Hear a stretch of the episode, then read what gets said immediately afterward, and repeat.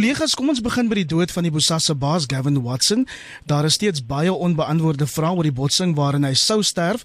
Sy dood het ook opnuut die aandag op 'n verdeelde ANC gevestig en die land herinner aan Watson se rol in die CR17 debakel. Hendrik, ek gaan jou vra om die gesprek in te lei. Ek het die begrafnisdiens gevolg en dit klink vir my tot oudminister Nomvula Mokonyane is daarvan oortuig dat Gavin Watson reguit hemel toe is. Jou reaksie? Iwer uh, baie dankie vir die geleentheid en hallo vir Amanda en uh, Roland ook. Uh, jy weet dit is natuurlik baie moeilik um, in hierdie soort situasie want jy weet Afrika kultuur vereis van jou om die dooies te te te eer om nie slegte goed oor hulle te sê nie. So kom ons aanvaar dat dit die een rede is waarom uitminister Nomvula Mokonyane dan nou goed so praat oor Gavin Watson. Dit is ook so dat uh, ons almal weet hy was 'n ou wat 'n uh, ywerige ehm um, beldener van die ANC was. So uh, jy sou ook dan verwag dat die ANC soos wat hulle inderdaad gedoen het, ehm um, aan hom moet moet hulde bring. Ehm um, maar ons weet almal dat ehm um, selfs die goeie ouens of wat wat wat mense sommige mense as goeie ouens beskou, ehm um, doen nie altyd noodwendig alles volgens die 10 gebooie nie. So ehm um, en in die geval is dit beslis so dat dat Gavin Watson en en, en ek dink ons kan dit maar aanvaar ehm um, dat die getuienis wat Angelo Agrizi by die sondekommissie gelewer het vir ons goeie insig gegee het in die verkeerde goed waarmee Gavin Watson ook betrokke was en dan weet ons natuurlik dat hy self vir 'n goeie ou soos eh uh, Cyril Ramaphosa geld geskenk en wat sou uiteindelik toe nou in hierdie moeilikheid of ek skiet die president in hierdie moeilikheid gekry het waar hy tans is met die openbare beskerming. So, ehm um, kom ek doen wat die Afrika kultuur van ons vereis en sê dit is altyd jammer wanneer iemand sterf, selfs al is dit iemand wat ons almal ken as 'n kroek. Ehm um, so I mean, moet in die eerste plek met die familie ehm um, jy weet simpatie ehm um, betoon en dan moet ons ook vir mekaar sê maar um, kom ons praat nou oor dit wat Gavin Watson gedoen het, dit wat hom uiteindelik so bekend gemaak het, is die feit dat hy um, met sy maatskappy voorheen bekend as Bosasa 'n klomp geld in die staat het gemaak het en seker gemaak het dat hy dankie sê vir die politieke um, invloedrykers wat hom gehelp het om daai tenders te kry. Amanda, ek hoor wat Heinrich sê, maar die politieke joernalis Sishle Mavuso trek ook allerlei parallelle. Dis nou vandag in die koerante tussen die ANC, Watson en Bosasa. Parallelle soos daai halfmiljoen rand skenking aan president Ramaphosa se CR17 veldtog.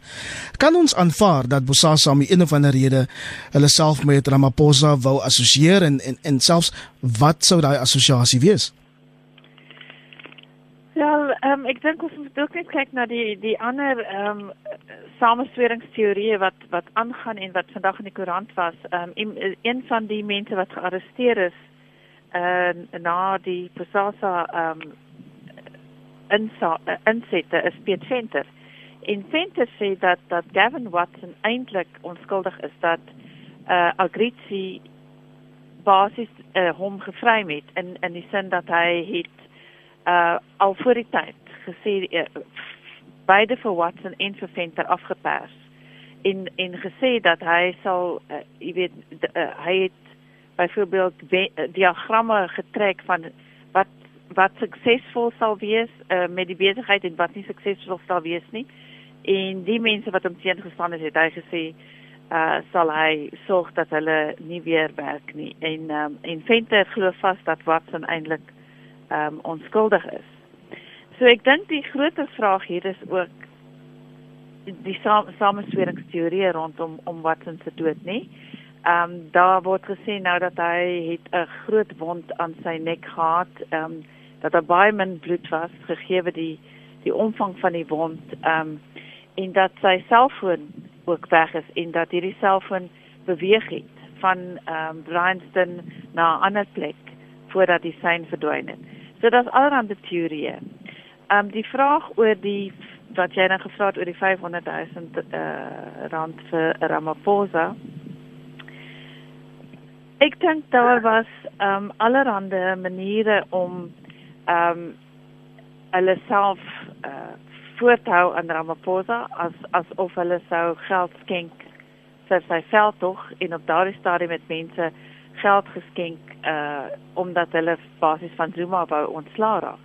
Maar dit is ook ek dink as ons kyk na die ander kant van die saak is dit 'n manier gewees om miskien vir vir Ramaphosa te ondermyn want nou word sy naam gekoppel aan Bosasa en ek meen die baie ernstige korrupsie van Bosasa. So ek dink dit is die een ding nou wat uh hierdie hele CR17 rekening van van Ramaphosa as 'n groot kopseer en om Bosasa daaraan gekoppel te hê like uh, regtig. Roland, ons weet dat Watson 'n dag na sy dood voor 'n tribunaal van SARS sou verskyn. Weet ons presies waaroor die Suid-Afrikaanse Inkomste Diens hom wou ondervra? Dit het gegaan oor belasting en sy persoonlike belastingsaake en daar's redelike groot ehm um, of daar's belangrike vrae wat gevra word oor die korrektheid al dan nie van belastingopgawes en allerlei aspekte wat met die besigheid verband hou. So die die voorlegging wat hy sou doen sou wees rondom sy sy belastingsaake, sy maatskappy en vrae wat wat hy aan SARS moet beantwoord. Um, ons weet ook dat daar redelike omvangryke dokumentasie voorberei is wat ingedien moet word om om in die um, hantering van hierdie saak te hanteer, soos dit met sulke sake gaan. Ehm um, maar wat presies nou gaan gebeur is natuurlik onduidelik met met sy afsterwe is dit moeilik om te bepaal. Ek kan vir SARS sal seker nog steeds kyk na die sake wat hulle wil kyk, maar die konteks sal definitief anders wees. Hendrik, hoe beïnvloed Watson se dood die staatskapingsondersoek? Ja, dit is natuurlik die die een groot probleem hè dat daar is 'n klomp vrae wat ongelukkig onbeantwoord sal bly omdat wat sy nou gesterf het. So van die kom, kommissie self se kant af klink dit nie asof aan elke geval ek het nie die indruk gekry dat ehm um, regter Zondo wat aan die hoof van die kommissie staan, ehm um, hy het geen aandring gegee dat hy dink dit sal dat sal noodwendig 'n groot ehm um, negatiewe uitwerking het op die kommissie se werk nie, want daar is tog ook ander mense wie se name genoem is deur Agrichi en wat ehm um, hopelik sal help van hy vrae te beantwoord of te bevestig wat hy gesê het of dan die, die teendeel te bewys maar ek ek ek reken dat dit sou goed gewees het vir die kommissie se werk om tog Gavin Watson se antwoorde te gekry het op van daai vrae. En nou is dit so Amanda verwys nou die samesweringsteorie en deel daarvan is dat hy um, 'n klomp jy weet mense sou impliseer dat hy self um, given wat 'n klomp mense sou impliseer en dan dan nou van hom ontslaa geraak sou moes word. 'n mens sien veral dat dit 'n narratief is wat gedryf word deur die EFF nou goed jy hoef nie aandag te steur aan van die ehm um, goeie wat die EFF kwyt raak op al op sosiale media nie. Maar dit is beslis so dat daar vrae gevra word oor of hy dalk uit die weg gery moes word sodat ehm um, uh, weet mense beskerm kon word wat hy sou impliseer indien hy dan voor die kommissie sou uh, verskyn. En dalk selfs voor hierdie um, tribunaal van die Suid-Afrikaanse inkomste dien. So um, ek dink self dat dit 'n negatiewe uitwerking op die kommissie se werk het. Um, maar jy weet ook dat ons sou um, baie maklik kon gesit het met dieselfde situasie as toe oud-president Jacob Zuma voor die kommissie verskyn het waar hy eintlik maar soort van sy eie konsert gaan hou daar sonder om enigins indruk te gee dat hy die kommissie se werk ernstig opneem. Kollegas, ons beweeg aan na ander nuus. Intussen is minstens 4 staatsbeheerde ondernemings op hulle knieë. Die SAIK het die week weer om 'n reddingsboei van 3,2 miljard rand gepleit. Daar is sprake dat SAL in 'n sakeredding geplaas sou kon word en die tesourier vra Eskom om die verkoop van sy steenkoolstasies te oorweeg, alles net in die laaste paar dae. Amanda, die staatsondernemings hou duidelik 'n baie ernstige risiko vir die fiskus in. Hoekom is daar dan soveel teenkanting teen Tito Mboweni se ekonomiese groeiplan vir die land? Wel ek dink die die die rede waar waarom daar teenkanting is, uh, is die feit dat hy dit die plan bekend gemaak het sonder dat hy uh dit eers met die lede van die parlement dat hulle daaroor gesprek gevoer het en dat dit deur die president aangekondig is. So dit lyk asof die ministers baie ongelukkig is um oor die feit dat hulle nie geken is in in die plan nie. Um maar uh, in in die plan word daar dan nou ook voorsiening gemaak vir basies die ontbondeling van van Eskom en dan vir ehm um, die die byvoorbeeld die verkope van die steenkoolmyne in uh in so aan. Die die situasie hier is basies dieselfde situasie wat ons gesien het met Gear, die Grove en ehm um, uh Mbeki se plan uh in wat yes. wat 'n nuwe liberale uh ja. kapitalisme basiese um raamwerk was vir die ekonomie uh, van Suid-Afrika en toe was daar ook groot teenkanting van die linkerkant die die linkervleuel van uh van die die ANC en ook van die kommunistiese party in Kusatu. En ons sien nou weer presies dieselfde teenkanting dat mense wat sê maar ehm um, jy weet dit is 'n 'n 'n kapitalistiese plan met wat mededinging insluit. Want die plan is word genoem transformasie inklusiewe groei en en mededingendheid. Ehm um, die ek dink die die die ander rede is is ook dat ehm um, die wat wat Mboweni uh, voorstaan hier is die eh uh, deregulering van van klein besighede. Uh want die argument is dat klein besighede word so gekniehalter deur allerlei regulasies dat hulle nie winsgewend is nie. En dit word nou al vir jare gesê en ek, hier maak hy nou voorsiening daarvoor.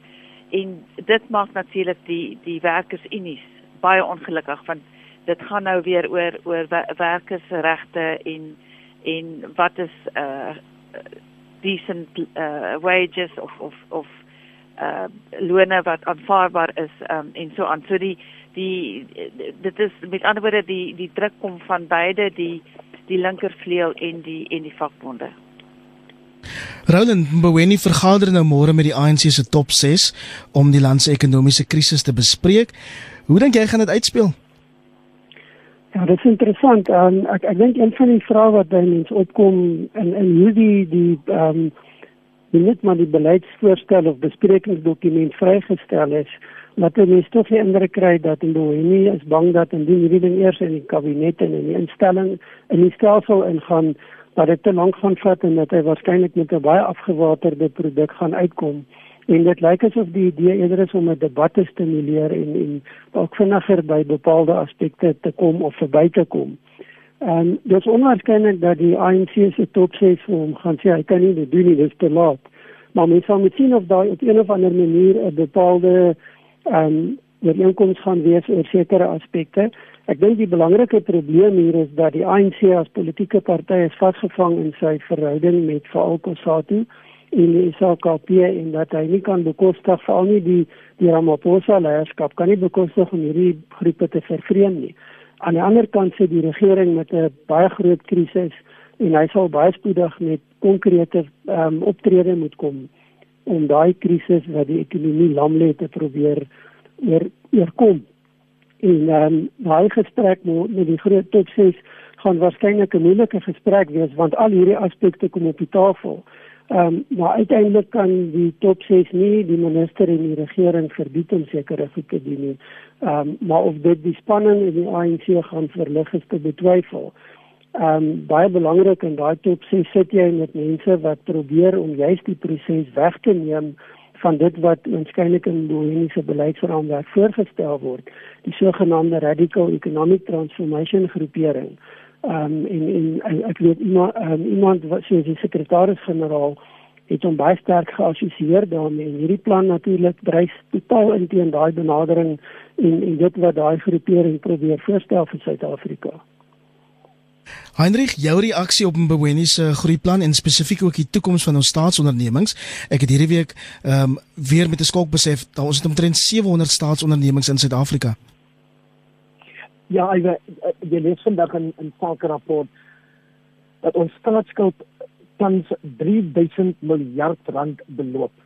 Nou, ek weet van die ekonomie bitter min af, maar maar maar selfs ek weet dat dit is die soort bedrag wat ons almal bekommerd moet laat. So, ek dink dit was 'n baie goeie strategie van Mboweni en mense hoop dat uh, president Ramaphosa ehm um, jy weet hom soort van die ehm um, um, wat jy mens um, goedkeuring gegee dat hy dit hierdie hierdie manier moet hanteer.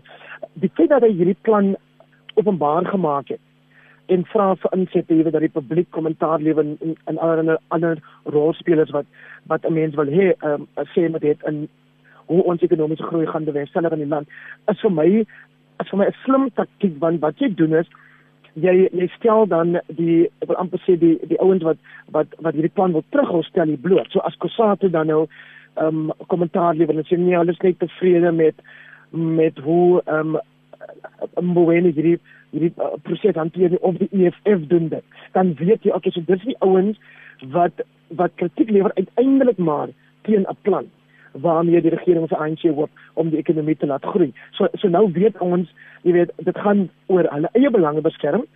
Ehm um, en en nie so seer oor om uiteindelik te verseker dat die ekonomie groei sodat ons almal hopelik 'n beter lewe kan hê in die land. Ehm um, so so so en dan het jy gepraat oor die staatsondernemings. Ek bedoel dit is 'n mens se kop raas amper as jy as jy luister na die soort bedrag wat gedurig moet bestee word of deur die tesourier moet betaal word aan staatsondernemings, sê dit die SAK of Eskom of enige van die ander. Um om hulle om hulle lewensvatbaar te probeer hou. So um natuurlik is 'n groot 'n groot deel van hierdie um, ekonomiese groeiplan van Mboweni het te doen met wat met Eskom moet gebeur. Ehm um, en ons weet ook dat daar as die die karakter soos die die EFF en Kosato en ander wat natuurlik nie wil hê dat Eskom opgebreek moet word um, ek weet nie wat sê die mooi woord daarvoor is ehm um, in in verskillende sake eenhede sodat Eskom uiteindelik hopelik ehm um, jy weet ehm um, uh, meer lewensvatbaar sal raak as ons as ons kragvoorsiening jy kan nie voortgaan om daai soort geld elke jaar te moet betaal om uh jy, jy kan maar eintlik sê om 'n om 'n soort van 'n dooie mm, eend aan die lewe te hou nie. So so ek verwelkom hierdie plan. Ek dink ehm um, ja, Freud Chivambo van die EFF sê dis asof Mboweni homself as 'n uh, eerste minister voordoen in die afwesigheid van Ramaphosa en ja, daar is sprake, wel, Kosato sê hierdie plan klink al te veel soos die ou geerplan waarna Amanda voor verwys het. Ehm um, maar ons weet dat ons ekonomiese groei van wat is verhoudend iets soos 5% gesien het destyds ehm um, met hierdie Tito Mboweni, Thabo Mbeki, Trevor Manuel ehm um, die enigheid as ek hulle dit mag noem. Ja, dis reg. Daar was baie beter groeikoers vir 'n langer tydperk as ooit um, in daai era met daai beleidsraamwerk. Ten spyte van die tekortkominge wat daar was, en dit lyk asof dit is wat Unie in gedagte het om weer iets nie dieselfde ding te doen nie, maar iets wat soortgelyk is te begin stuur om te kyk of dit nie dalk die probleem kan hanteerbaar maak nie. Kollegas, ek vermoed ons gaan weer volgende Sondag oor Mboweni se ekonomiese groeiplan praat nadat hy dit aan die ANC se top 6 voorgelê het. Nou vir ander nuus wat Suid-Afrikaners die week aan die gons gehad het, die Springbok slot Eben Etzebeth is van rasisme beskuldig en dit op die voorhand van die Wêreldbeker rugby toernooi. Amanda, ek wil begin met jou reaksie daarop en dan Hendrik, ek weet jy het ook 'n ding of twee daaroor te sê, Amanda. Wel, dit is uh nie heeltemal duidelik presies wat gebeur het nie, want dit het begin as 'n of dit word gesien as 'n rasse insident en dit begin in 'n kroeg en toe is iemand uitgegooi en later uh, in die aand toe almal nou die kroeg verlaat het die die geveg voortgegaan en daar word gesê dat Etzebeth um, rassistiese aanmerkings gemaak het. Nou hy ontken dit ten sterkste, maar intussen is hy aangekla by die Menseregte Kommissie en die leerders oorhandig aan die nasionale vervolgingsgesag. Nou 'n mens kan vra is dit 'n storm in 'n teekoppie in die sin dat is dit werklik iemand wat net daarop uit is om Etzebeth leed aan te doen of of is het Etzebeth nou werklik um, iets uh weet 'n rassistiese opmerking kwyt kwyt geraak. Ehm um, en ek dink jy weet iemand wat wat 'n springbok is is is in 'n baie ehm um, weerlose situasie ehm um, as mense daarop uit is om jy weet om op een of ander manier te na te kom. So ehm um, ja, soos ek sê dit is dit is nie duidelik nie. Ehm um, en en miskien miskien vir my is die die vraag oor die reaksie, nê? Wanneer is 'n reaksie geregverdig en wanneer is dit iets wat mense moet probeer hanteer in die omstandighede ehm um, jy weet na die tyd of gaan ons nou met elke individuele insident hof toe gaan? Heinrich, ek het jy antwoord daarop. Hoe sien jy dit? ek weet ek het um, gister 'n artikel in die burger geskryf en die stukking daarvan was ehm um, dat ek ek my invalshoek is amper dat ek ek is minder gepla oor of ehm um, ewen Etzebeth skuldig was aan die goed waarvan hy beskuldig word of nie. Ek ek ek het my bekommernis is meer dat as jy jouself as openbare figuur in 'n nasionale lid van 'n nasionale sportspan in daai omstandighede bevind, nou laat ek dit onmiddellik duidelik maak. Dit sou net so wel 'n van 'n speler kon wees wat in 'n uh, deel is van 'n geselskap waar daar nou wat mense as boere verwys word, né? Nee? Ehm um, so so ek ek ek, ek, wil vir 'n oomblik vir ewe net die die persoon die individu ehm um, uit die prentjie uit haal en dan praat oor wat is jou verantwoordelikheid as iemand met daai soort openbare profiel. Dis een ding om te sê, julle ek was teenwoordig en maar ek het geen rassistiese taal gebruik nie en ek het ook niemand aangerand nie. Dit aanvaar ek soos wat ek vir dit en rassier as wat die afrigter ook sy weergawe aanvaar. So dit dit is die een aspek. Maar die tweede aspek is dat 'n mens verwag van iemand soos Eben Etzebeth om dan onmiddellik te sê, maar ek distansieer my terselfdertyd van die gebruik van rassistiese taal. Jy sien so aan die een kant kan jy jouself onskuldig verklaar en dit aanvaar ek, maar aan die ander kant dink ek het jy ook 'n verantwoordelikheid om te kan sê maar as 'n Springbok rugby speler en as 'n Suid-Afrikaner wat in 'n verklaring nogal gesê het hy om omarm die reënboognasie konsep.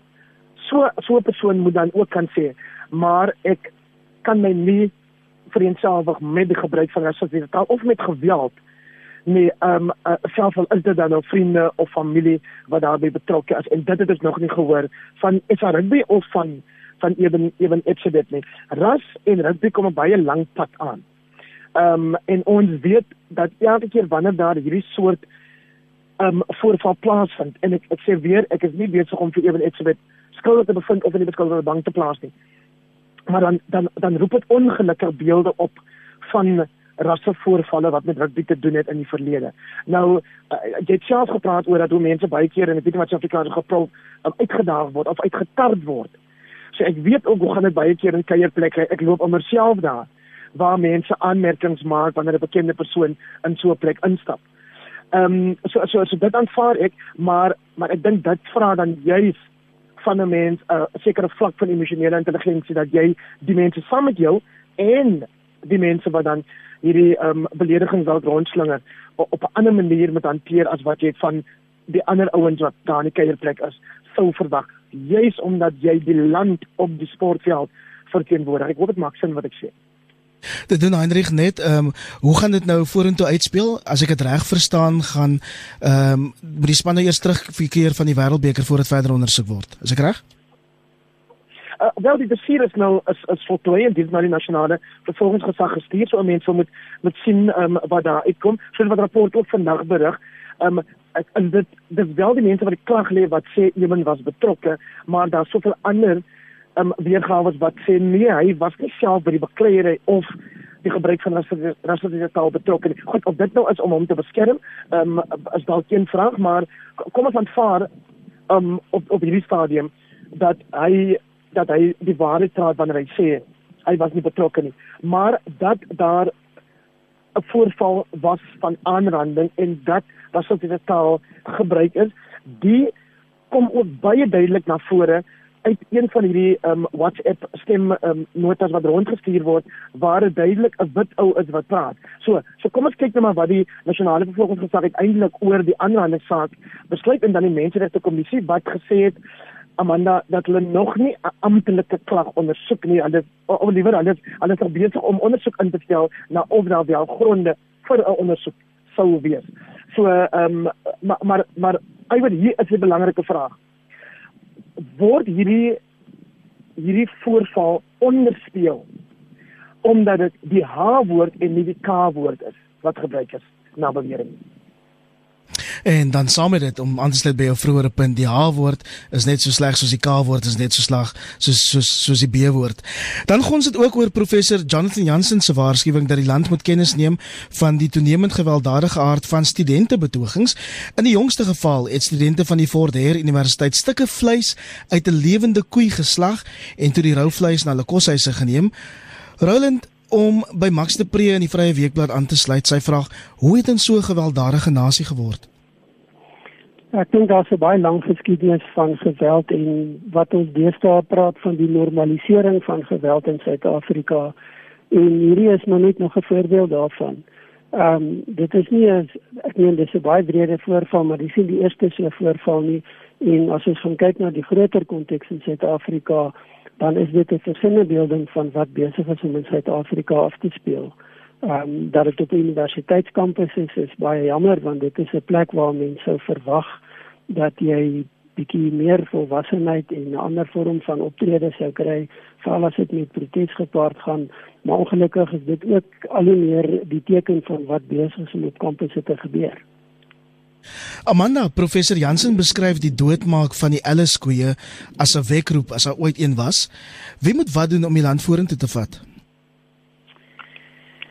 Wel ek dink dit is die groot dilemma wat ons uh, weet uh, waarvoor ons staan kom want ons het nou byvoorbeeld die afgelope maand vroue maand gehad en daar was in al nege die provinsies ehm um, het die regering uh samesprekings gevoer met uh vrouens ehm um, oor die nasionale uh, strategiese plan op geslagsgeweld. Nou ek het die Weskaap se se besprekings bygewoon en dit is my baie duidelik dat daar 'n groot probleem rondom geld is. So ons kan allerlei mooi planne op die tafel sit. Dan is die bottom line, daar is nie geld nie. En en ek ek dink dit is die die groot probleem is dat ons is so absoluut blootgestel aan geweld. Uh op op allerlei maniere. En En en wat 'n plan vra is nie net polisieering nie, nê?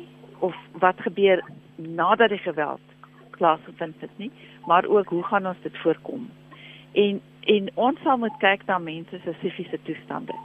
Een van die uh aanbevelings van die uh, Waarheids- en Versoeningskommissie was is dat uh mense moet sielkundige berading kan kry. Daai aanbeveling is nooit ehm um, toegepas nie en weer eens um, omdat daar nie geld was nie. Uh, ek dink ons het al op op baie maniere soveel grense oorgesteek wat geweld normaliseer. Dat alles en hoe meer ekstreem dit word, hoe, hoe meer normaal word dit vir ons. Om 'n dier op te kap op 'n universiteitskampus is nie normaal nie. Um en ek ek dink nie ons kan dit op enige manier goed praat nie.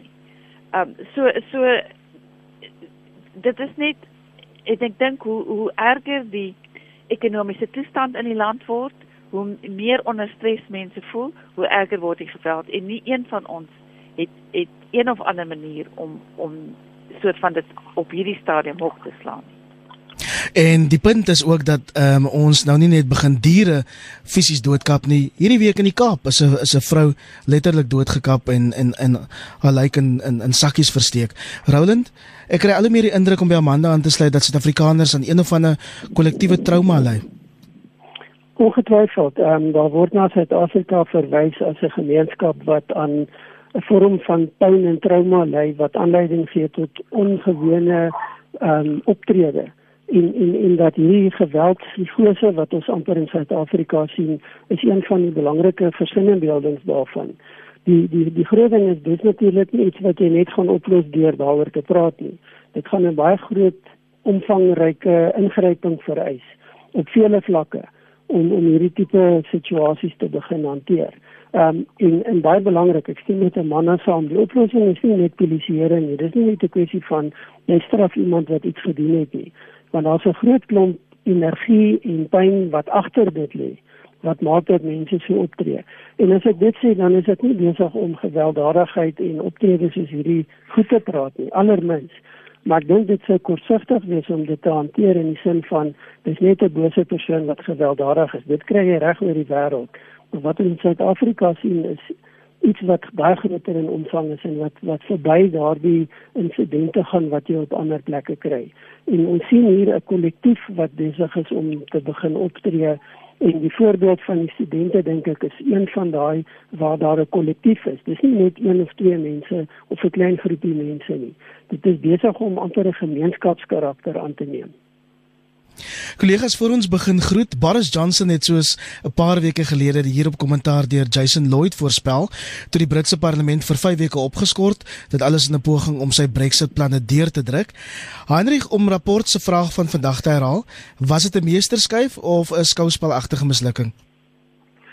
Ewer dit sal 'n mens seker uiteindelik eers sien wanneer die die Britse publiek van self die vraag moet vra oor of Brexit steeds die gewenste laat ek dit anders um, verwoord of of hulle steeds 'n Brexit wil hê soos wat hulle gevra het. Nou ons weet almal dat ehm um, toe hulle gestem het daaroor was dit met 'n klein meerderheid wat daar ja gestem is. So dit was maar altyd 'n wankelrige jy weet situasie ehm um, maar Boris Johnson was van die begin af een van die mense wat baie duidelik gesê het ehm um, as ek nou ter hierdie meise woorde moet gebruik Brexit means Brexit ehm um, nou ja ons weet wat dit vir haar beteken op sy self nou geëxit ek uit ehm um, Downing Street nommer 10 uit.